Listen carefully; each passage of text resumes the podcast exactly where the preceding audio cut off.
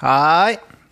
Hei, Arilas Berg Old Sada. Jeg sitter her i studio med din venn og kollega Mats Arntzen. Han har fått et spørsmål av meg. Han kan vinne én million kroner. Han skal finne ut hvilken overgang som er sommerens beste av A. Harry Maguire. B. Lo Celso. C. Nicolas Pepe. Og D. Rodri. Vær så god, hjelp din venn. jeg, jeg eh, mener eh, ja, Jeg er veldig interessert i Rodri. Han var veldig bra på Community Shield mot, uh, mot uh, Liverpool. Men jeg vil nesten si Nicolas Pepe, fordi jeg er så gira på å se den trioen på topp sammen med Lacassette og Aubameyang, så jeg velger Nå husker jeg ikke hvilket svaralternativ det var, men jeg ville valgt Pepe. Er du helt sikker på at du ikke er påvirket av uh, din uh, entusiasme for liga? Det er snakk om ganske mye penger her, Arles? Jeg er selvfølgelig klink uh, inhabil, og er selvfølgelig veldig preget av uh, min uh, forkjærlighet for fransk fotball når jeg svarer på det spørsmålet her, men jeg, jeg, holder ved svaret mitt. Den er grei. Ja. Nei, da må vi vi Føyer du deg til uh, Ariles sin ekspertise, Mats Arntzen? Han er jo borte i England der da, og har jo ganske mye innsikt rundt overganger og sånt. Det har vi jo sett den siste tiden, men litt redd for at den der franskmannen igjen eh, rett og slett eh, har gjort ham litt høy på ting og tang, hvis det går an å si.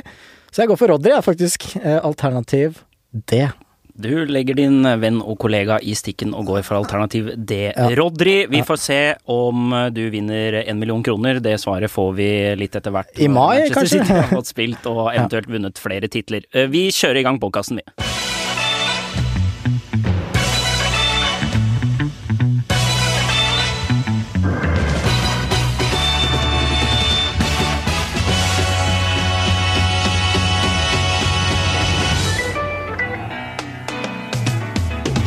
Hei og velkommen tilbake til VG Live. Vegard Aulstad er tilbake fra sommerferie og i programlederstolen. Fått tid til å tenke nå gjennom jeg har hørt på deg, Mats og Jonathan, som har eh, holdt eh, liv i denne podkasten gjennom sommeren. Og jeg lurer på om den jingeren her faktisk eh, ikke er god nok? Nei, det er ikke det som podkastklassiker at sånn jingeren er aldri god nok. Ah, ja. Eh, nei, jeg vet ikke. Men, jeg føler eh, nesten jeg blir sånn småirritert. Ja, men nå hadde vi en, en, fin intro før det, da, med litt deilig 'Vil du bli millionær'-musikk. Og det minner meg litt om en, en klassiker fra 'Vil du bli millionær', hvor det var en dame som eh, skulle velge hva slags bil, en eller annen sånn som, Hvor riktig svar var Toyota, da. Og så brukte hun først 50-50 deretter publikum, eh, som svarte soleklart at det var en, en eh, Toyota, men hun bare 'Jeg synes det høres mer ut som en Suzuki'. Og så svarte hun det, og feil, og rett ut. En, uh, så vi får se da om jeg treffer bedre med min Rodry-spådom, uh, eller om Arles får riktig med PP. Ja. Det kan hende at begge to slår til, det får man jo håpe for både Arsenal og Manchester City-fansen. Det har vært en deadline day med litt varierende dramatikk, men eh, vi har fått, eh, som seg hør og bør, noen storyer som er verdt å prate om. Vi skal dra oss litt igjennom overgangsmarkedet og de heteste talking pointsene før vi går inn i Premier League-sesongen som begynner fredag med Liverpool-toeren fra i fjor mot nyopprykkede Norwich City. Ja, Ariles, eh, du er på plass i Manchester som korrespondent eh, og England da, for øvrig denne sesongen. Eh, har du hatt en hektisk deadline day? Hva har du liksom brukt dagen på? Jeg rakk å, å trene uh, i morges. Jeg har funnet meg treningssenter her i Manchester. Og så uh, etter det så har det egentlig gått Eh, i ett kjør. Jeg dro bort til Old Trafford for å, ja, for å bidra i sendingen som dere, som dere, holdt i hjemme fra Oslo, så det var hyggelig. Og satt og spiste litt pizza med britiske journalister og prata litt fotball. Og uh, ringte rundt til kilder og oppdaterte meg på det siste um, på overgangsmarkedet. Så det har jo vært litt sånn drypp med både Sander Berge og Moye Leonossi her hjemme. Og så har det vært selvfølgelig litt action rundt omkring i England, men egentlig ikke særlig mye i Manchester. I hvert fall ikke rundt Manchester United, da. Det har vært vært eh, stille og garantert skuffende for veldig mange. Det kommer vi helt sikkert tilbake til. Jeg tror vi egentlig kan begynne der, fordi det var eh, svært mange som eh, trodde at det skulle skje mer rundt eh, Ole Gunnar Solskjærs mannskap. De var tidlig på banen og hentet Aron Van Bissaka og Daniel James. Så kom jo Harry Maguire inn her, men det var vel forventa at det skulle skje kanskje noe mer, da, spesielt med midtbanen og sånn der. Men det var rolig. Vi hadde jo med deg tidligere på sending, som du nevnte, Arild, så det var vel ikke så mye som ja, skjedde rundt Old Trafford i dag. Nei, det var fryktelig lite, og eh, det er jo grunn til å være litt bekymra hvis man er Manchester United-supporter når det kommer til det, da. Og eh, jeg skal ikke Altså, i rollen min så har ikke jeg eh, Jeg skal ikke mene veldig hardt om det som skjer i Manchester United eller Ole Gunnar Solskjær, og egentlig heller ikke Premier League generelt, men hvis vi forholder oss til fakta, så er det sånn at Ole Gunnar Solskjær, som jeg snakket med, med Rob Dawson i ESPN og, uh, og også en uh, PA-journalist som jeg satt sammen med, de intervjuet, eller hadde sånn, et intervju rundt et bord med, med, Ole Gunnar Solskjær i en halvtime da de var i Australia, i Perth, i, i sommer. Og da sa Ole Gunnar Solskjær helt klart hvis vi selger spillere, så kommer vi til å erstatte dem. Eh, og det har jo ikke skjedd. De har solgt Andre Herrera, eller de har eh, Andre Herrera sin kontrakt har gått ut. Han er ikke erstatta. Og Romelu Lukaku ble solgt i dag. Han er heller ikke erstatta. Og det er ingen verdens tvil, og dette er, det, dette er ikke å, å, å, mene noe, dette er å forholde seg til fakta. Det er ingen verdens tvil om at dette ikke var planen. Og det sier folk i, i United. De ønska seg en midtbanespiller, men de klarte ikke å finne den avtalen de ønsket og de solgte Lukaku. De hadde lyst på Dybala i stedet. Det virket som det kanskje kunne skje, men det fungerte ikke. Men da hadde allerede Lukaku blitt et såpass stort problem i Manchester United at de egentlig ikke hadde noe valg om å fortsette med han i troppen. Det hadde ikke gått. Han var jo eh, i Belgia. Han dro jo til Belgia på mandag for å trene med Anderlecht. Da hadde han en fridag, så det var jo greit nok. Men på tirsdag så var han heller ikke tilbake. Da trente han også med Anderlecht. I Anderlecht-drakt. I United-trening. I Anderlecht-drakt. Og så klarte de ikke å få Mario Mandzukic heller, kanskje påvirket av Dybala-dealen. Men totalt sett så er det helt åpenbart at Manchester United ikke har fått det de eh, ønsket. Og det er selvfølgelig eh, det er selvfølgelig farlig, det er gambling. Eh, det er ikke Solskjærs skyld, men, men det går jo utover Solskjær. Fordi det mm. setter han i en enda mer sårbar posisjon med tanke på jobben hans. Fordi han starter litt i minus etter den, den katastrofale våren.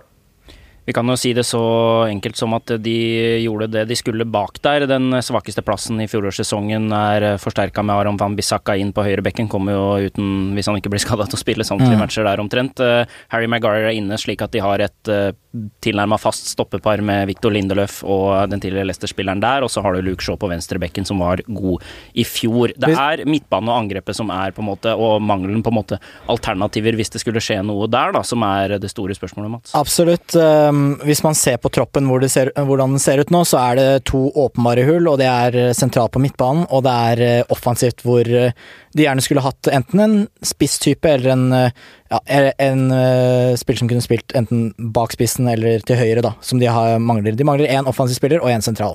Um, ser man på hva de har klart å skaffe, så har de fått inn Fambisaka. Der har de gått fra å ha altså Den svakeste posisjonen deres, den er nå sterk, forsterket til å være en av de beste posisjonene de har, uh, som er tryggest og, og sikrest. Uh, Maguire, det er lenge siden United har hatt et stoppepar som har sett så trygt ut, og som kan ganske garantert være en suksess i flere sesonger. Eh, så de har forsterka to plasser, løst to problemer. Um, men det er noe med den retorikken til Solskjær som han på en måte kanskje blir tatt litt på nå. Og det første var det han sa på slutten av sesongen, at han kom til å være en del av et uh, suksessfylt uh, lag, en suksessfylt klubb, og det er spillere her som ikke kommer til å være en del av det. Foreløpig har han mista Herrera, som de egentlig ville beholde, men som ikke ville være der fordi han krevde mer. De har mista Lukaku, som de ikke har erstatta, og Valencia, da, som var ferdig. Darmian er der fortsatt, Rojo er der fortsatt. Det er en del av de spillerne der som eh, kanskje burde vært ute allerede nå. Um, og så er det et par av de som kan forsvinne innen 1.9. Og nummer to er som Arild sier, han sa vel Det var til og med på et konkret spørsmål om de kom til å erstatte Lukaku, så svarte han at eh, hvis vi selger spillere, blir vi nødt til å erstatte de. Så da kommer vi til å erstatte de, og det har de jo ikke gjort, som du sier. Men eh, jeg må ta et lite oppgjør med, med noe her. Eh, og Det kommer til å bli en litt lang monolog, men dere får, får si hva dere tenker etterpå. Men det jeg tror provoserer Manchester United-fansen veldig mye, det er dette at ting drar ut i det uendelige, og man føler seg litt lurt. Det, det, vet jeg at mange mener, fordi at man hele tiden ser disse spillerne som linkes til klubben. Det var spesielt da med Paulo Dybala, men, men vi kan gå tilbake til Harry Maguire, da. Leicester krevde 80 millioner pund for to måneder siden. Mm. Og, nå har, og, nå har, Manchester United betalt 80 millioner pund for å hente Harry Maguire. Det har gått to måneder, og, de, og, han har ikke vært med på sesongoppkjøringen. Og det er selvfølgelig en ulempe. Det kommer til å ta lengre tid til å få han i gang. Men, men det, på, det, bare drar ut i det uendelige. Og det er jo én ting, for den, den, det er en overgang som gikk eh, i orden. Men så har du Paulo Dybala, som går ut i evigheten, så blir det ikke noe av. Så er det Christian Eriksen som heller ikke blir noe av. Så er det Bruno Fernandes. Finnes Bruno Fernandes egentlig? Jeg er litt usikker. Men det også drar ut i det uendelige. Man, det er klart man føler seg litt lurt som United-fan hvis man uh, stadig vekk opplever at det der skjer. Og så syns jeg det er interessant, da, for det, det altså Det man opplever når man jobber tett på Manchester United og Premier League her, det er hvor kontrollert kommunikasjonen er fra klubben, eller hvor mye de prøver å kontrollere kommunikasjonen. Eh, vi kan ta den Dybala-casen som et eksempel. Så skal jeg komme eh, Og det er ikke bare Manchester United, det heller. Men som eh, det, ble, som, det ble, som det ble, på en måte mm, kalt i britiske medier, så var det Manchester United som pulled the plug på Dybala-dealen. Og, og, vi skrev også det. Solskjær dropper Dybala. For dette, her er det jo kommunikasjon som på en måte Det er jo informasjon som, som kommuniseres ut. Uh, lekkes ut på en kontrollert måte for å forme budskapet på den måten man ønsker. Det er selvfølgelig en sannhet med modifikasjoner at, uh, at det ikke var Solskjær som bare droppa Dybala, at det er vanskeligere enn som så. Men det er ikke like lett å formidle når du skal skrive en nyhetssak, men det fortjener selvfølgelig litt oppklaring. Selvfølgelig er det sånn at de ønsker å vise at de, eller fremstå som en klubb som kan tiltrekke seg store spillere. Så de har jo lyst til å understreke, uh, som, uh, som, det har blitt kommunisert, at Solskjær kun ønsker spillere som ønsker å spille for Manchester United. Det er jo et positivt budskap for Manchester United, og det har Solskjær sagt selv, så han har jo på en måte sitt på det rene. Det er fair enough. Han har lyst på spillere som ønsker å spille for United, og mentaliteten er veldig viktig. Samtidig så er det jo selvfølgelig sånn at Dybala droppet United også, fordi at han krevde mye mer enn United var villig til å betale for han, så han hadde ikke så lyst til å komme til Manchester United. Og han har surra seg inn i en problematisk situasjon med image-rettighetene sine, som er solgt til et annet selskap, og som krever masse penger for det. Og agenten hans krever penger, og han krever en kjempehøy lønn.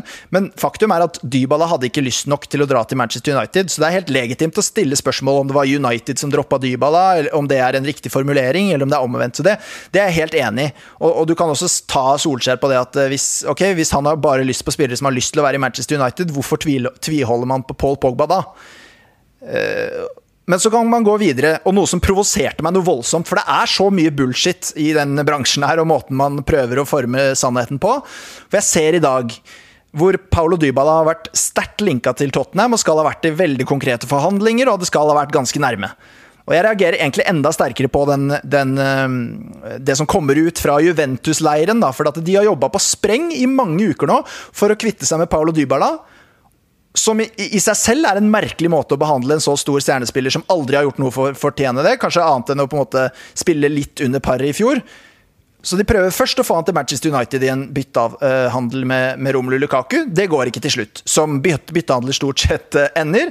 Det funka ikke, for det var for komplisert. Så prøver de ja, som du sa, Mats. Og så prøver, bein, så prøver, de beinhardt å få han til Tottenham også. Det er helt åpenbart. Alle meldinger fra både italienske og engelske medier tyder på at de, at de, de hadde lyst til det. De, klubbene var enige osv. Så, videre.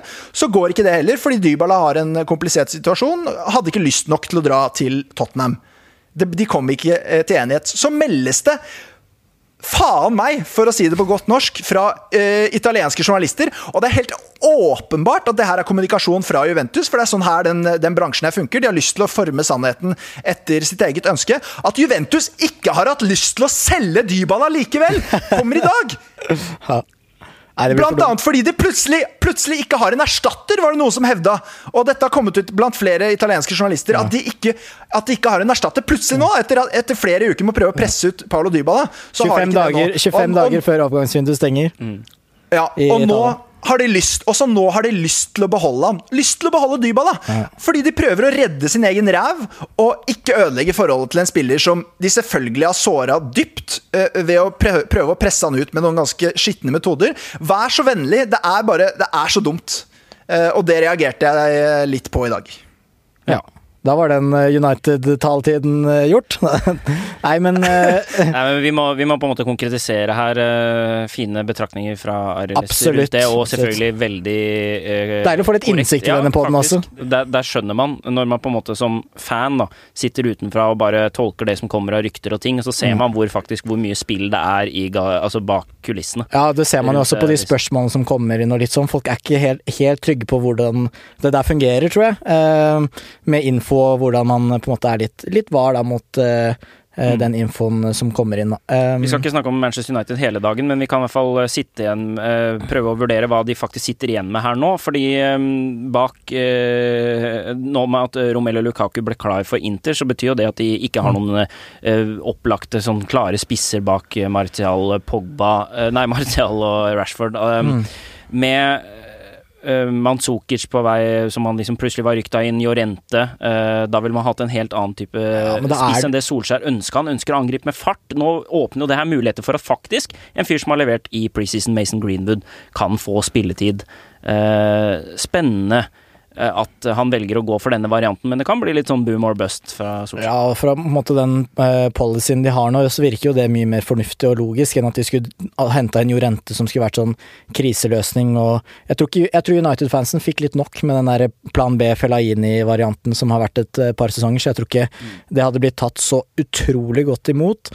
Uh, men det er litt tynt på topp, det er det, men samtidig, da, så den sesongen Lukaku hadde i fjor, det skal være mulig å å erstatte det. Ja, Herrera er borte, men uh, andre spillere må bare ta steget opp. Og uh, for min del, som har sett United nå gjøre panikkjøp uh, år etter år, så tenker jeg at vet du hva, det er, kanskje hvis man da ikke finner de man vil ha, så er det ikke nødvendigvis bare negativt. Og så kan man også se det på den måten, ja, de brukte lang tid på Maguire og måtte betale det Leicester krevde, men United dro også ut Lukaku-overgangen og fikk det de krevde for han. Så det går jo begge veier. For når klubben Når Leicester ikke er nødt til å selge United, var ikke på en måte nødt til å selge økonomisk sett, så ender det opp sånn. Og da får man også førstevalget sitt. Og det mener jeg er mye bedre enn at sånn som det har vært tidligere, at man går på plan B, plan C, plan D, som blir dyre løsninger som viser seg å ikke fungere. Men det er vel ingen tvil om at det er noe negativitet eh, å spore der borte, Arildes. Eh, det er ikke alle som er fornøyd med at stallen ser ut som den gjør? Nei, det er ingen tvil om det. Og de britiske journalistene som jeg snakker med, er eh, litt bekymra for Solskjær. Fordi at eh, det er klart det er eh, På en måte Han har jo ikke nødvendigvis de verktøyene han trenger eller helst skulle hatt for å på en måte levere opp mot det man kan forvente, eller det som kan holde han i live i den jobben. Det er ingen tvil om at altså, Han er oddsfavoritt til å få sparken. Det er ingen tvil om at det er veldig mange som er skeptiske til han. Hvis man Problemet til Solskjær, eller paradokset her, er eh, hvis det hadde vært en realitet, som Solskjær sier, at man trenger tre-fire overgangsvinduer til å bygge det laget her, og at det er på en måte det man burde gå etter, og at det er sant at han kommer til å bli bedømt på det eh, på sikt, så hadde jo dette vinduet gitt veldig mye mening. og sånt, altså sånn i et langsiktig perspektiv så er det jo bra, for da kan du tenke ok, og så bruker vi neste vindu på å hente den vi faktisk har lyst på på midtbanen, og kanskje på topp, og så bygger man sten for sten, istedenfor å hente spillere som på en måte kanskje ødelegger balansen eller stemningen i gruppen, eller lønns, ja, lønnsbalansen, eller eh, eh som ikke får nok spilletid, så de blir misfornøyde og henter sånne um, tredjevalg og sånn, som, som Mats var inne på. Eh, så venter man med det til det er tilgjengelig, og henter kun de spillerne som man mener styrker troppen, som er eh, fornuftig på lang sikt. Problemet er at det er bare i en fantasiverden at en Manchester United-manager får lov til å bruke fire eh, overgangsvinduer på å bygge en tropp og en fremtid uten at han blir bedømt på de nåværende resultatene. Så det, jo, det kan jo bli Solskjærs bane at han er nødt til å levere denne sesongen. Fordi at presset er så stort i de mediene rundt der, og, og etter hvert også blant fansen, selv om Solskjær er på plussiden der fortsatt, at det er helt umulig for en United-manager å overleve hvis du ikke leverer med en gang. Men først og fremst må jo klubben begynne å fungere på at de faktisk får gjort de kjøpene de skal, og at øh, og, og, det er mye snakk om at man bør få inn en teknisk direktør osv., eller om, om Woodward er i stand til det. Men uansett, hvis man sammenligner da med f.eks. Manchester City, så finner de Rodry, eh, som de ønsker bang, smack, så er Rodri på plass. Rett inn der. Laget er forsterka fra i fjor. Suverene seriemestere i flere sesonger. Riktignok tightere i fjor. Tøffere konkurranse fra eh, Liverpool. Eh, man ser på Tottenham, som henter spennende spill i Ndombele. Lo Celso, Cézinho virker som bra signeringer. Selv Arsenal klarer faktisk å ende opp med å få satt på plass brikker, eh, virker det som. Eh, Liverpool finner ikke det de ønsker, og har en bra nok stall til at det går helt fint å la være. Mens Chelsea har på en måte hatt en vil jeg si, imponerende langsiktig plan når den her eh, embargoen kommer. Så kommer det spillere tilbake fra lån. Eh, de har henta Pulisic allerede, Kovacic kommer inn. Eh, så er på en måte ikke de i noe krise heller, da. Mens United da har de åpenbare hullene de må tette. Så nei, jeg syns klubben først og fremst er hovedproblemet der. Eh, fordi det jobbes godt i de andre eh, klubbene, i hvert fall, som de konkurrerer med. Ja, og så er det, jo, det, er jo på en måte, det er jo ingen som eh, mener at Ole Gunnar Solskjær har gjort noe feil i det overgangsvinduet her. For det er jo ikke han, han eh, altså Man vet ikke alle spillerne han har hatt lyst på, man vet ikke akkurat hvordan det foregår inni der, men at han har hatt lyst på uh, mer enn det han har endt opp med å få, det er helt åpenbart. Og det er ikke hans skyld at man ikke har klart å, å sørge for det, da. Så det, det er selvfølgelig ikke bare Solskjærs skyld. Og så er det verdt å nevne at f.eks. problemet til Solskjær, sammenligna med Chelsea, med, med, Frank Lampard Det er jo verdt å sammenligne de to da, når de skal møtes på, på søndag og er to uh, gamle Premier League-legender som, som, har blitt managere. Jeg snakka med Tore André Flo på mandag, og han uh, sier at uh, Lampard går egentlig inn i denne sesongen her nesten uten noe som helst press. Fordi folk i Chelsea snakker ikke om at man skal ende blant topp fire. eller sånt. Og de, de er ikke engang eh, triste pga. overgangsnekten. De er glad fordi Frank Lampard er inne, og endelig Det er så mange i den klubben som er glad for at man kanskje endelig kan jobbe litt langsiktig med de mange spennende spillerne man har. Og pga. overgangsnekten så er det ingen som kommer til å kreve at han må ende blant topp eh, fire. Eh, og, derfor så har han egentlig mye bedre på en måte arbeidsvilkår da, før denne sesongen enn det Ole Gunnar Solskjær har, med tanke på det at det er veldig mye mindre press rundt.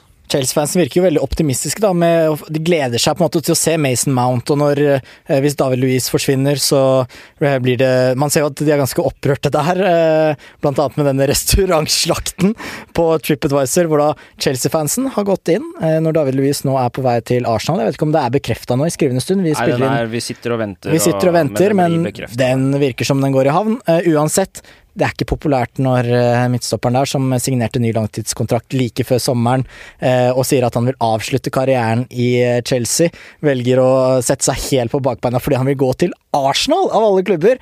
og så er det rett inn på TripAdvisor, da, den italienske restauranten til David Louise, hvor folk melder at det er skittent, dårligste servicen de har fått noen gang, hår i maten, Snakes slanger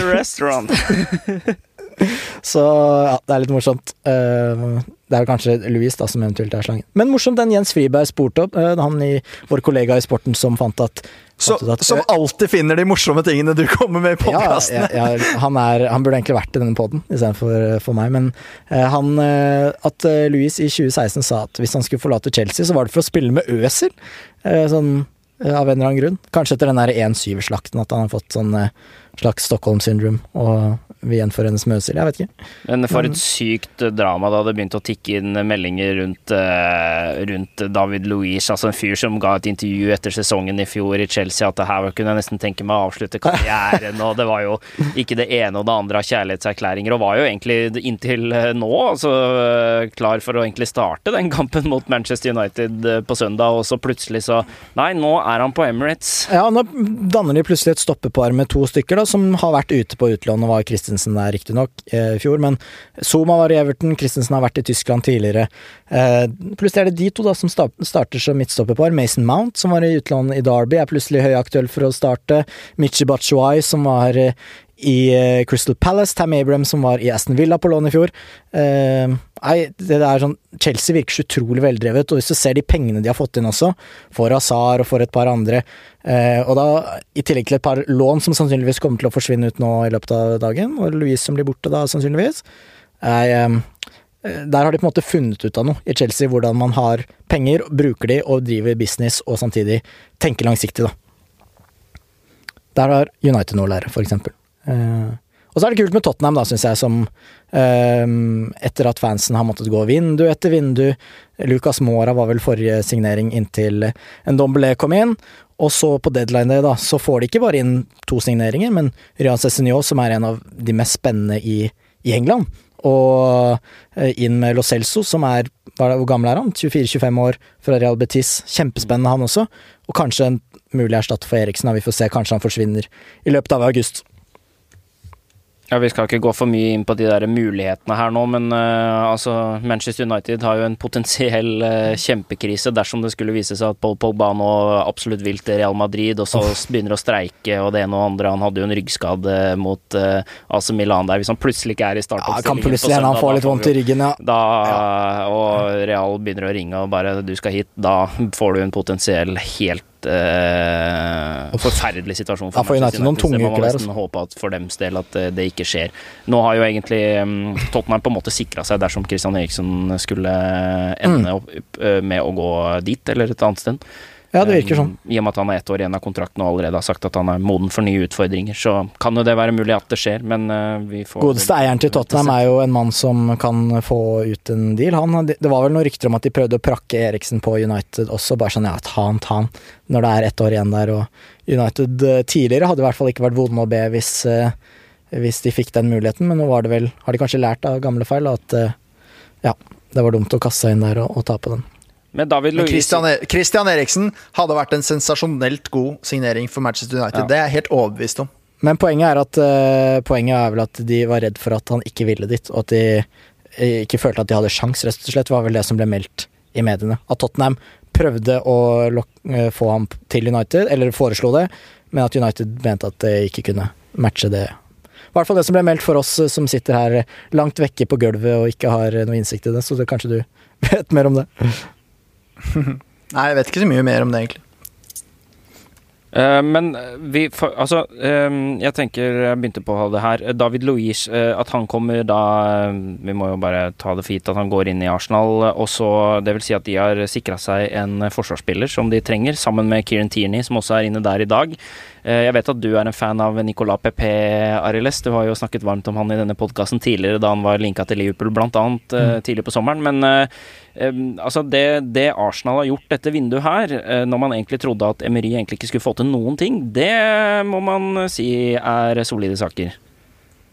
Ja, det er jo helt fantastisk. Altså, vi snakket jo faktisk om dette for jeg tror det var tre uker siden cirka, hvor vi snakket om jeg tror Det var, det var vel Mats som sa at de var utrolig eh, ubesluttsomme, eller at ting ikke gikk fremover i Arsenal. Og ja, det virka handlingslamma, sa jeg vel, faktisk. Ja, handlingslamma var det. Handlingslamma, og det har det jo i hvert fall ikke vært. Og det som er eh, interessant, interessant for Arsenal-fansen, det er jo at eh, det er jo denne mannen Edu Gaspar, som er, som er ny mann i klubben den sommeren her, som helt åpenbart eh, virker å ha en, eh, en evne til å close avtaler som, som, kanskje ikke har vært til stede før. Eh, det er jo egentlig en besluttsomhet som har vært helt sånn måte som ikke har vært forbundet med Arsenal, som vi har sett i de siste dagene på overgangsvinduet. Jeg, jeg kjenner noen, noen Arsenal-fans som er helt fra seg av begeistring, Eh, og nesten ikke skjønner hva som har skjedd. At det er det sykeste overgangsvinduet de har eh, opplevd eh, som, som Arsenal-fans. Så det er jo en, en heftig kontrast da, til til januarvinduet, som var utrolig skuffende for United-fansen, nei, for Arsenal-fansen, fordi eh, da man forventet at det kanskje kom til å komme inn noen forsterkninger, og at MRI skulle få fortsette å, å, forme laget sitt, så holdt han en pressekonferanse helt i starten av januarvinduet hvor han sa at de ikke hadde råd til å kjøpe spillere, og kanskje kun hadde råd til å hente én spiller på lån. Uh, og så går de fra det vinduet til et, uh, et vindu hvor de har styrka egentlig alle posisjonene hvor man tenkte at de, de uh, hadde behov for å, for å, hente noen. David Louise er den jeg er mest skeptisk til av signeringene, fordi at det er et vandrende kaos som går inn i et forsvar som er kjent som fire vandrende, fire vandrende kaos, egentlig.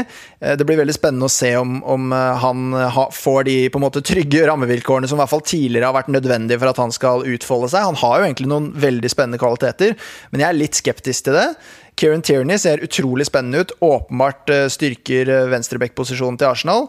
Uh, Dani Ceballos ser egentlig fantastisk ut. Det eneste man kan stille av spørsmål der, er jo om om det er litt skummelt å hente en spiller på lån uten en kjøpsopsjon, rett og slett fordi at en sånn spiller er litt lett å bare eh, sette ut i kulden hvis det ikke fungerer i starten. fordi at man har på en måte ikke så veldig mye å tjene på det på sikt. Dennis Suárez ble jo ikke noen kjempesuksess i fjor heller, da han kom fra Nei, og det, det var jo en avtale det var jo en avtale som man tenkte kanskje kunne, kunne være bra. da. Så Dani Ceballos, men, men, Dani Ceballos rent som en spiller passer jo perfekt inn, og er, kan hende er enda bedre enn en, Litt bedre rusta kanskje også for den type spill... Ja, er, tror du det, altså? Men bedre rusta for Premier League ja, kanskje enn det Dennis Suárez altså. er, da. Ja, det kan eh, godt hende. Han er veldig bra. Og så er det Nicolas Pepe som, som, eh, som, fullbyrder en veldig spennende trio på topp der. Så altså, de har styrka seg enormt. Og det må være en fryd å være Arsenal-supporter akkurat nå, i hvert fall før sesongen starter. Så får vi se åssen det går. Det virka jo bare som de var så utrolig langt unna Saha. De var liksom ikke i nærheten av å matche det Palace skulle ha. Så virker det bare smart av de å bare gå videre og si at nei, eh, det blir for dyrt. Vi tar Nicolas Pepe isteden. Sannsynligvis et mye bedre kjøp. Og så i tillegg til det så får de altså solgt Iwobi til Everton for nesten 40 millioner pund. Det er jo, de får en halve overgangssummen på det, på en spiller som ikke har vært noe Nei, altså det, er, det har vært uh, ymse kvalitet. Det har vært eh, noen veldig, veldig, gode kamper, men mye under det man kan forvente fra en Arsenal-spiller. Altså. Men det syns jeg tillegg, det tillegger det Arsenal har gjort her som, som utrolig bra. Ja, absolutt. Klemmer gjennom den overgangen på, absolutt. på Det har bare toppa det hele, spør du meg. Ja. Um, nei, det er rett og slett Det er jo en terning sterk fem, kanskje, på Arsenal nesten. Mm. Ja, det er det. Særlig målt opp mot forventningene, egentlig. Og så blir det jo selvfølgelig fantastisk eh, spennende å se hva Arsenal får til av disse tre spillerne på topp. da, Lacassette, Aubameyang og PP etter hvert. Det blir, eh, det blir vanvittig spennende. Det kommer til å bli noen vanvittige scener på Arsenal Fan TV når eh, for en gangs skyld fansen der, som alltid er så skeptiske til absolutt alt som skjer, kommer til å være i ekstase. Tenk om det blir en borteseier mot Newcastle der i tillegg. Utenfor Emirates der og opp med kamera og han rolige reporteren der men, som står men, her jeg tror til og med diverse puber utesteder i Oslo hvor Arsenal-fans pleier å vanke, kan eh, by på god stemning. Ja, ja faktisk. Det tror jeg òg, men bare når vi er inne på Arsenal uh, hvis, hvis, man er glad i Twitter, eller egentlig hvis man ikke er glad i Twitter heller, så har jeg meget god underholdning til dere. Jeg vet ikke om dere har lagt, lagt merke til det her, men det er en, en BBC-journalist som heter David Ornstein. Veldig anerkjent, ekstremt flink uh, på BBC? overgangsmarkedet. Han jobber i BBC, David Ornstein. Mm. Og hvis man går inn der, spesielt når han melder om, eh, om eh, Arsenal-overganger, og da spesielt da han Fordi han breaka jo Nicolas Pepé-overgangen i sin tid, som, som, jo kom litt sånn overraskende på egentlig alle. Uh, hvor han skriver uh, 'Arsenal have reached an agreement with Lill to sign uh, Nicolas Pepe' osv. Og, og bare gå inn og se på svarene der fra Arsenal-fansen. Altså, det er noe av det beste jeg har sett. Du ser bilder av, eh, av Arsène Wenger som står med en statue, og så er det David Ornstein, denne journalisten, er på statuen. Og så ser du, ser du en som uh, legger ut en, en, sånn her, Det er Memphis Depay som skårer mål og kaster av seg trøya, og så skriver han 'Ornstein, you blood blood legend'! og så har du liksom alle skriver sånn 'Orny' og sånne her, uh, uh, gifs av at han driver og danser på kontoret med huet hans på, og bare 'Ornstein shoots and scores!' Og det er, et par, et par, altså, et par år til nå, så må de rive den der Law Charlton-statuen utenfor Old Trafford og få den algirske kongen Ariles etter å ha begynt å melde et par overganger der om et par år nå. Nei, Det blir stas. Det gleder vi oss til. Det er en annen som skriver 'Christ, Christ, I'm pregnant again. How did you do it?' Folk elsker David Ornstein. Og, um, og, dette blir jo et element av selvskryt, da, men jeg, jeg skriver jo noen ganger om, uh, om uh, norske spillere som Altså nyheter som har med Premier League å gjøre. Og bare i dag, når jeg skrev bare i dag, når jeg skrev om Mohammed Elionossi, eh, som eh, vi kanskje kommer tilbake til eh, de norske spillerne, men, da, men at Mohammed Elionossi hadde At det hadde kommet et bud fra Middlesbrough, et, et lånetilbud fra Middlesbrough på han, så fikk jeg altså, Så ble jo dette retweeta i England og oversatt og alt mulig, og så får du folk som altså elsker deg og spør 'Will you marry me?' osv. Så, videre. så folk Det er ganske gøy å være journalist når man blir, blir kobla på disse engelske klubbene, fordi fansen der er er eh, ekstremt engasjert i overgangsvinduet. Så ja, det er godt. status, så kan det kanskje bli noe annet. Ja, det er godt å høre at du får deg venner der borte. Det var på tide. Da har du noe å drive med på ja. de rolige tirsdagene og onsdagene da, vet du. Slipp å ja, henge Flytte til Southampton, der er det sikkert der Har du noen du kan spise med på San Carlo der og kose deg litt? Jeg drar på Don Marco, mye bedre. Dommer. Ja, det er jo poenget, det. Ja. Reisetips til eventuelle lyttere som ønsker å ta en tur til Manchester denne sesongen, og ikke eh, har tenkt til å dra på San Carlo, hvor de vet at det vanker både den ene og den ja, andre. Da. Det var der jeg møtte Darmian, faktisk. Ja. Det har jeg sagt tidligere. Men det, det, den infoen trenger vi. Ja, men så moro. Ja. Stas var det. Eh, jeg hadde egentlig, du, du, hadde egentlig tenkt til å fortsette på at Jeg tenkte å invitere deg til å fortsette på resonnementet rundt de norske spillerne, fordi at uh, topplagene de følger de fleste med på, uh, mens på en måte det har vært aktivitet rundt både Sander Berge og Moi Elionossi inn slash ut av Premier League det siste døgnet. Så hvis du kan Altså hva det, du har meldt, eller vi har meldt på VG, har jo vært at de ikke har ønsket seg overganger, så du kan jo si noe om hva slags situasjon de var i, og hvorfor det ikke ble, ble noe som skjedde rundt dem i dag. Ja, altså Vi kan begynne med Sander Berge, da. Eh, for det vakte jo litt oppsikt onsdag kveld. The Mirror skrev at uh, Brighton hadde lagt inn en bud på 28 millioner pund, altså over 300 millioner kroner, altså suveren norsk overgangsrekord hvis det hadde gått i orden. Det er en journalist som heter Simon Mullock som uh, skrev den saken. Jeg sjekka opp med, med, de engelske journalistene jeg kjenner.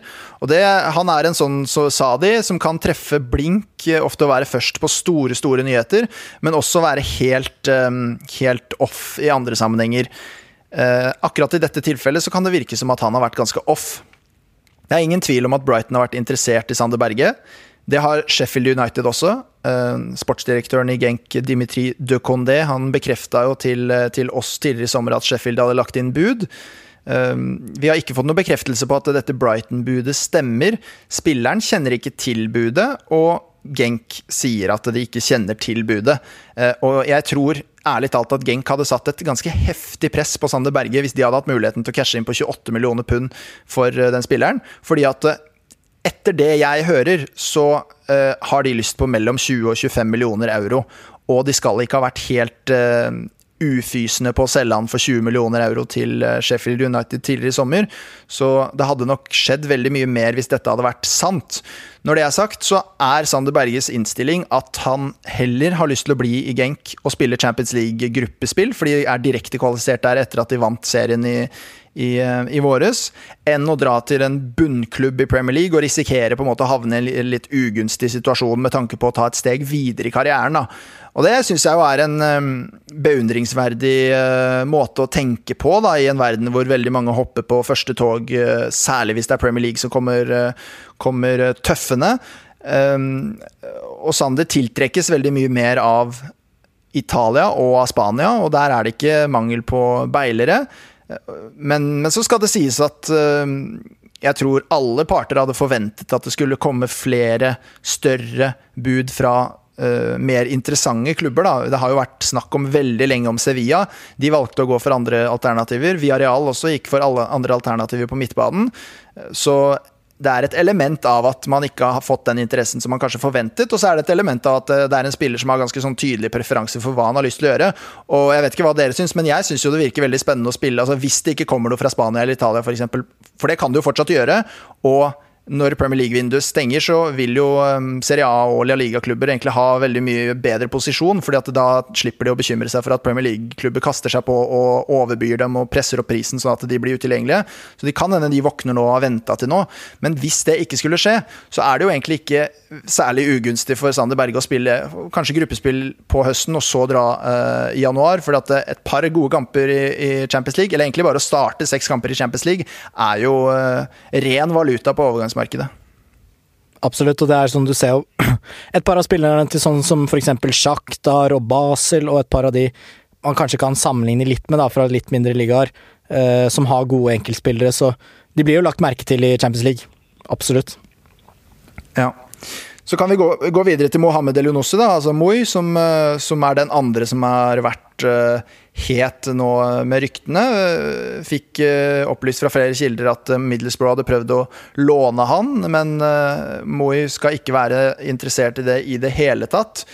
Og det er jo ikke minst fordi at det foreligger noen interessenter ute i, på kontinentet som er langt mer spennende sportslig enn å spille i championship. Blant annet da Celta Vigo som er i samtaler med, med, representantene til Moi, og Sevilla og Besjiktas, som er det som har vært skrevet mest om.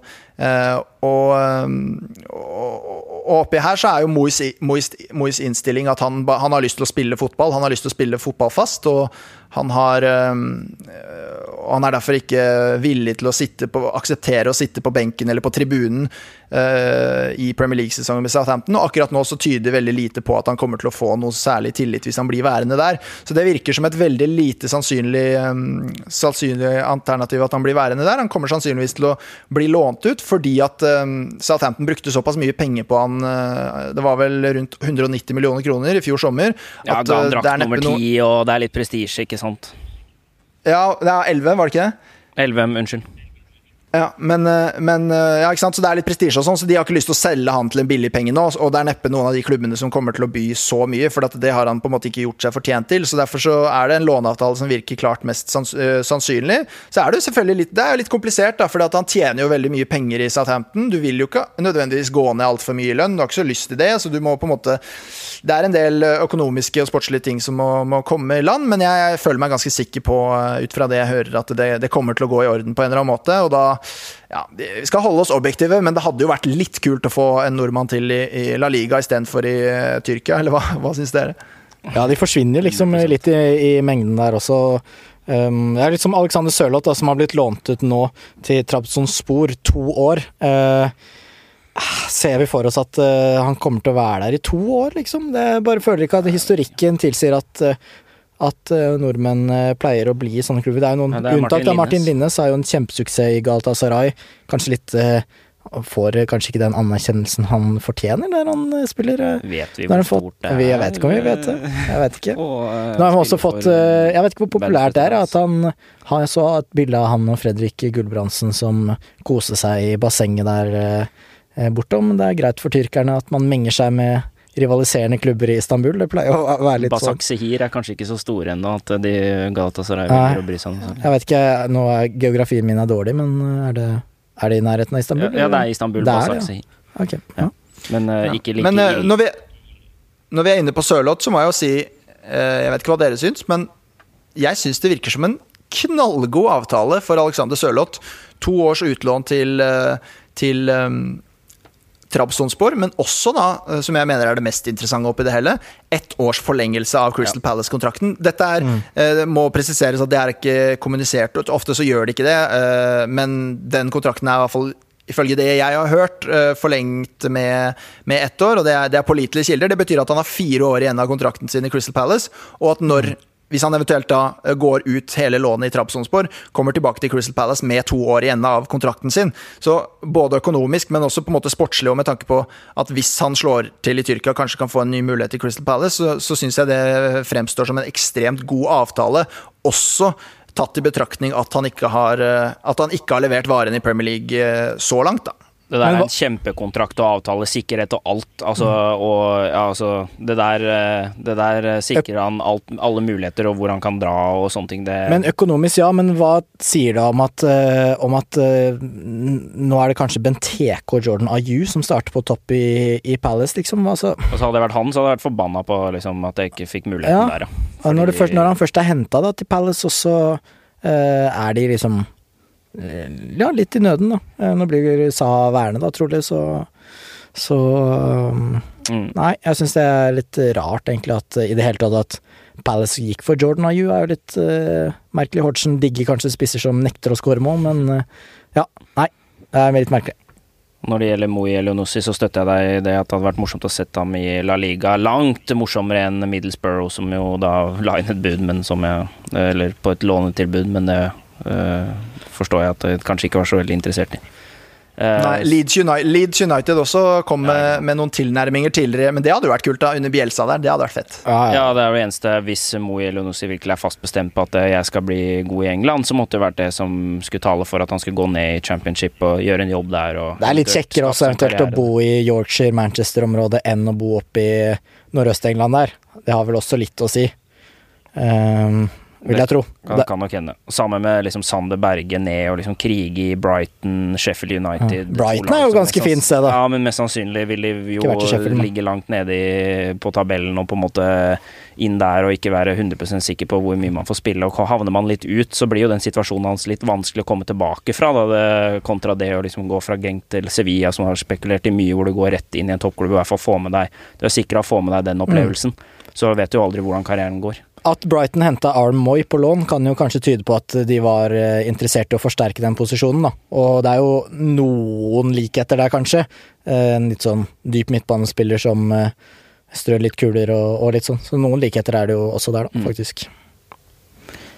Vi kan jo Jeg har jo tatt med noen overganger her som jeg tenkte dere skulle få si hot eller not til. Altså blir denne spilleren en suksess ut fra prislapp, forutsetninger, eh, laget og vice versa. De forutsetningene kan dere egentlig greie ut om, men eh, jeg begynner med Manchester Uniteds stoppekjøp Harry Maguire. Mats eh, først.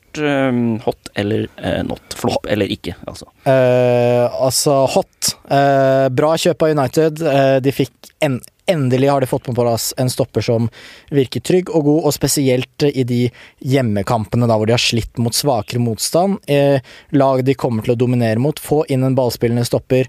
Drit nå i den prisen. De har fått inn en kvalitetsstopper, og det tror jeg de er strålende fornøyd med, og det kommer til å bli en suksess. Ariles? Jeg sier hot, jeg, og jeg er overbevist om at det kommer til å bli veldig bra. Uh, bare, jeg, og, jeg bruker de samme argumentene som Mats, men men de, dere har jo sett mye fotball, dere òg. Og jeg har et spørsmål om Harry Maguire. fordi at jeg spurte uh, Pep Guardiola om Harry Maguire uh, på pressekonferanse etter Community Shield, og han var veldig veldig rosende og sa, ramsa opp hva han var god på osv. Og, og en av de tingene, det var Han sa He's fast. He's so, so fast. Er Harry Maguire rask, eller er han treg? Fordi han blir beskyldt for å være lynrask og, og en, en snegle av, av, forskjellige folk? Jeg tror ikke han, Det er ikke så dårlig tempo på han. Eh, jeg så også at Robert Snodgrass var ute her og sa at man skjønte han sa, man, eh, han, Da de spilte på lag sammen, han, han var så god. Han, plutselig var han på midtbanen og bare bossa ordentlig på midtbanen. Og jeg tror, som jeg sa tidligere, at han blir litt undervurdert pga. utseendet sitt. At folk tror han er i litt dårligere fysikk enn det han er, fordi han ser så han ser litt erkebritisk ut, og det er det der spøken med at han har så stort hode osv. som blir tulla med hele tiden. Men han har bra fysikk, og han eh, er ekstremt god med ballen. Han er på en måte en veldig moderne midtstopper, og at han kommer til å bli god, har det blitt spådd i mange år, så nei, jeg syns ikke det er så overraskende, og han har kanskje litt ferdigheter som eh, folk ikke tror han har, sånn som det med fart. Jeg tror ikke han er spesielt treg. Sånn jeg ser den, så er han en rask spiller fysisk sett, men at den, eh, det er ikke all ballbehandling og, og Altså, du, kan, du, ser kanskje ikke på han som den eh, teknisk eh, raskeste spilleren alltid. Altså, hvis du ser på van Dijk, da, som på en måte er kjemperask både fysisk og veldig god i alt som er av spillevendinger og teknikk og altså Eh, alt som Når det gjelder ballberøringer og sånne ting, så er det på en måte de to aspektene hvor kanskje Maguire ikke er han har på en måte noe igjen å ta på, ta på Forskjellen er jo at van Dijk er jo ekstremt atlet, da. Ja, ja. Så sånt, eh, som det er veldig sjelden at spillere er både ekstremt raske og så fysiske som det han er. Eh, og i tillegg så rask på små flater. Mens, men Maguire har jo er, er utrolig dyktig på det der med å ta med seg ballen fremover, og det har United savna så lenge. Altså. At en, en ballspiller midtstopper som kan gå fremover, og det, det, var en sånn oversikt også hvor han scora så utrolig høyt blant eh, eh, de mest ballspillende stopperne. Og hvis man ser på statistikk fra i fjor, så er det van Dijk som topper det meste, og så er Maguire stort sett nummer to på ganske mye. Um, og da er det ikke tilfeldigheter når det er van Dijk som er én heller, altså. Nei, og så er Maguire forsvarssjefen i et England som gjorde det overraskende godt i VM i fjor, og som Absolutt. vinner stort sett alt som er av uh, Nations League og kvalikkamper. Så det, det, der har jeg troa på, rett og slett. Vi uh, hopper videre til nestemann på listen. Det er Christian Pulisic i Chelsea. Arild, du kan få begynne nå. Jeg sier hot, jeg. Jeg tror han uh, kommer til å bli en hit, uh, i hvert fall etter hvert. Han har sett frisk ut i preseason. Han kommer inn i et spennende lag. Han kommer til å få tillit. Han kommer til å han blir jo på en måte en, en erstatter for Azar. Jeg, jeg, har troa på det. Jeg tror det kommer til å bli veldig bra. Og, og Tore André Flo også sa at det, det kunne bli en hit, det òg. Mm, helt enig. Tror det blir bra. Nestemann er Nicolas Pepe, Mats. Åh, det er så fristende å være kontrær her og Du må og, nesten det nå! på altfor sviktende grunnlag, da, være negativ, men altså, jeg har jo troa, herregud, men eh, Men man må på en måte tenke hva, man, hva, er bra nok til å bli hot og det ja, der, da, ikke sant? Skåler jeg er spent på om man forsvarer den eh, prislappen der, da. Um, det er ofte det er, jeg, er, jeg, velger å forholde meg skeptisk, jeg. Så får du eventuelt rose opp i skyene her på sannsynligvis mye bedre grunnlag enn det jeg har for å vurdere, da. Nei, altså, uh, Argumentet du burde brukt, det er jo f.eks. det at alle snakker om at han har 22 mål og 11 assist i, Premier, i uh, League uh, forrige sesong, men 9 av målene hans var straffer. Mm. Og 13 mål og 11 assist høres jo ikke like imponerende ut som, som, som 22 mål og 11 assist. Så det, det, er på en måte noe som, som doper statistikken hans litt, så, så, og som skal tas med i betraktninga fordi han neppe kommer til å skyte straffene i i et Arsenal-lag hvor, hvor, det er mange som står i den køen allerede, men jeg har veldig stor tro på det her, fordi at jeg tror at han tilfører United, nei, Arsenal de, særlig de dribleferdighetene som de kanskje mangler for å ha en spiller som kan utgjøre forskjellen én mot én og, og, åpne opp eh, situasjoner. Eh, jeg tror det kommer til å bli dritbra, rett og slett. Og jeg gleder meg skikkelig mye til å se han i aksjon. Så håper jeg ikke at folk dømmer han med en gang, for det er alltid vanskelig å komme seg inn i, i Premier League når du ikke har, har vært der før og sånn. Og da, da må særlig Arsenal-fansen, som har vanskeligheter med å holde hodet kaldt i enkelte situasjoner, burde, burde gjøre det i dette tilfellet. Men, men altså, han koster det samme som Maguire, da? Eh, i en posisjon Arsenal ikke har eh, like mye behov for å forsterke. United måtte ha en midtstopper og fikk førstevalget sitt, mens Arsenal henter PP. da. Hvis du, sånn, Tilbake til det vi startet på med, er, hva er det beste kjøpet? Derfor mener jeg ville også holdt Maguire foran PP. Ja, det er for så vidt et godt poeng. Jeg var ikke 100% seriøs med at jeg mener det er det aller beste kjøpet i, i Premier League denne sesongen. her, For det er selvfølgelig en stiv pris med tanke på også hva han har på en måte oppnådd uh, før. Men jeg tror han kommer til å slå til, og da er det irrelevant hva prisen er. Altså hvis, hvis uh, hvis Nicolas Pepe det, så, det, skal så lite til da, at han utgjør forskjellen mellom femte- og fjerdeplass, så er han verdt pengene. Mm. Ikke sant? Og, da, og det tror jeg faktisk han kan være. I tillegg til at eh, man må, måtte tenke differansen med Iwobi. Så ja, nei. Jeg, eh, jeg velger å holde meg skeptisk, så får vi se.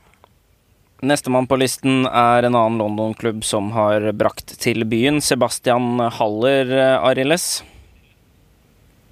Jeg er positiv til det. Jeg tror han er den Jeg sier hot. Er, det blir mye hot her, da, men du trekker jo bare frem de beste overgangene, så det, det får jo ja, det, det, får jo være sånn. Det får kritisere meg for. Ja, det her er jo en spiller som uh, kan levere både mål og assist, og som jeg tror kan uh, måtte binde sammen den superspennende eh, trioen som er bak han, med Fornals, Lanzini og, og Felipe Andersson. Og jeg føler dette er noe Westham har, har trengt. da. De har jo hatt Arnautovic til tider som har fungert veldig bra, men han er en urokråke. Her har de en klassespiss som kan ta store steg i i Premier League, og, jeg har veldig stor tro på det. Jeg tror, tror han kan, kan, ende rundt 15 mål denne sesongen, her, og det hadde vært uh, sterke tall. Franskmann som har gjort det bra i Bundesliga. Eh, imponerende av Eintracht Frankfurt å selge to spisser for en milliard kroner til sammen. Eh, han virker som en ganske sånn komplett type. Sterk, rask. Eh, ja, eller i hvert fall at han har mye å, å komme til bordet med. Virker som eh, et veldig bra kjøp for eh, Westham, eh, rett og slett. Spennende. Og Pellegrini ja. elsker jo angrepsfotball, og det er ikke noen ulempe når du skal være spiss på et lag. da. Mm -hmm, mm -hmm. Det er jo som hver sommer. Westham ser meget ser, spennende ut. Som alltid. Som alltid. Her blir det muligheter både for den ene og den andre. Ja, men det er bedre, det er bedre å hente Haller enn å drive og hente sånn eh, Sabaleta og ja, Nasri og det derre møket som de har drevet og henta de siste årene. Det har vært mye, det har vært mye rart i Westham også. Det har det.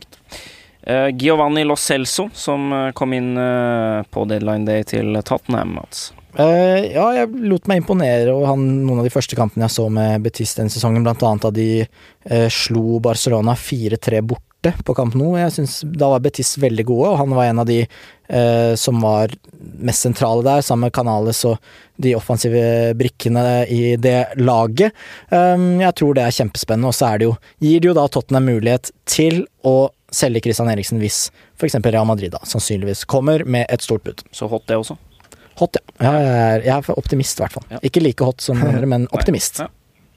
Det som ligger friskest i minnet for folk, er jo den Betis-suksessen, og det er derfor han har blitt solgt dit uh, også. Uh, vi må huske at han var en flopp i PSG, som er en klubb som er nærmere nivået til uh, Tottenham. Det er ikke sikkert han har dette nivået. Jeg, jeg har jo sett han mest i PSG, og, og på en måte husker det som et måte, varsko for Tottenhams del om at det ikke er sikkert at han tar et sånt toppnivå internasjonalt også i Champions League. Så det gjenstår å se, men jeg, det er helt åpenbart at han har kvaliteter til å hevde seg. Så jeg er litt skeptisk. Eller jeg er sånn midt imellom. Yes. Uh, vi har en tomann på min liste. Uh, Wesley i Aston Villa. Åh, oh, det er så vanskelig. Jeg har jo liksom ikke sett den. Greie tall. Sorry, sorry men er, hvem er han? Nei, jeg, jeg, jeg er ja, jeg, vet, jeg vet ikke. Sorry. Jeg, har ikke, jeg har ikke en dritt å si om Wesley. Jeg har aldri sett han spille fotball. Klubb Brugge i fjor har, putta 22 mål. Og det har søren meg ikke dere heller. Altså. Det har søren meg ikke dere heller. Men han derre Husebø Evensen, han Twitter-mannen uh, vår, han som er Aston Villa-fan og fancy-entusiast, uh, og er veldig nerd på det der. Han er optimist, så da velger jeg å stole på Aston Villa-leiren. Og de har lagt en del penger imellom, ålreite stats. Eh, jeg syns han er av de spissene til de nyopprykka lagene, da, så er, virker han mye mer lovende enn f.eks. Pukki, da, som ja. jeg ikke har noe tro på i Norwich, og eh, det Sheffield United har å komme med. Men han er en signering, og jeg spør deg hot eller not? Eh, hot. Arildes? Da, da sier jeg not på totalt sviktende grunnlag.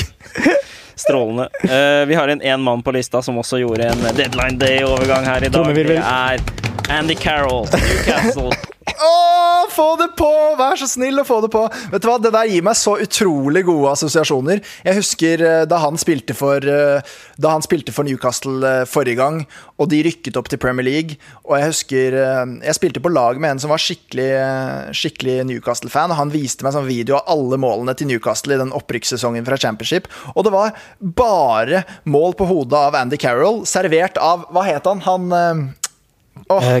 Kevin Nolan, blant annet. Men ja, de, Kevin Nolan. Og det var Kevin Nolan-assist på alt mulig, og det var, bare, og det var så herlig. Og han er, han er liksom Premier League eh, nesten eh, oppsummert for meg, da.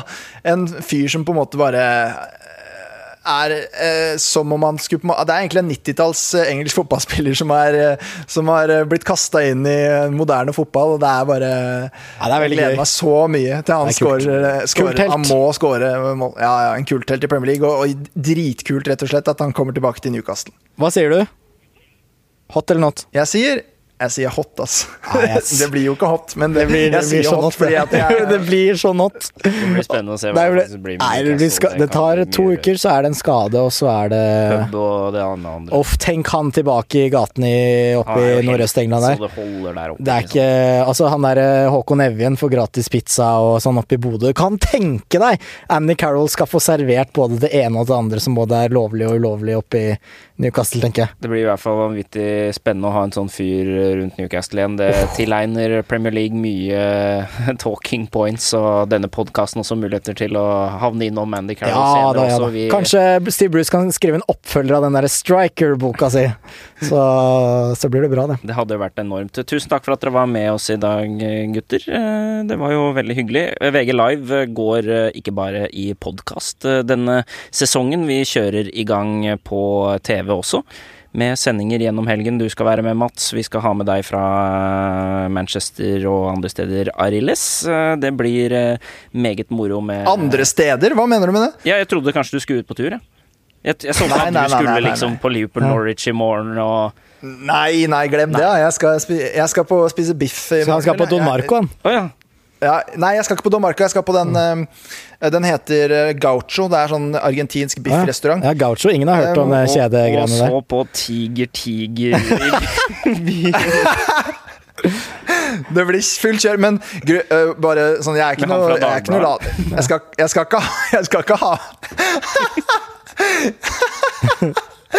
da, jeg skal ikke ha på meg å være en latsabb. Altså, grunnen til at jeg ikke skal på Liverpool Norwich, det er for det første at uh, et selskap som heter Dataco, som styrer alt det der med Dette blir for teknisk, vi går videre i sendingen. Dette blir veldig teknisk, men det fikk jeg ikke før i dag, så fristen hadde gått. Men jeg, jeg skal på United-Chelsea, og ja. da ses vi. Vi ses i hvert fall på søndag. Ja. Ja. Liverpool Norwich er blitt for smått, det nå. Det er, blitt, det er ikke bra nok. Fint om noen rater den poden her, gir den litt ekstra, et lite ekstra spark i rumpa i positiv eh, retning. Og så Det ble litt seriøst i dag. Vi hadde så mye bra å snakke om. For, vi hadde innhold å snakke om. Faktisk hadde alt dette her materialisert seg til konkrete ting. Man måtte man plutselig ta på den seriøse hatten etter å røra rundt her i sommer. Men sånn er det når de voksne kommer tilbake da og driver denne poden videre. Det får vi si. Det var eh, deilig å få kjørt i gang igjen. Det syns jeg var moro. Vi har en Instagram-konto som heter VG Live Pod.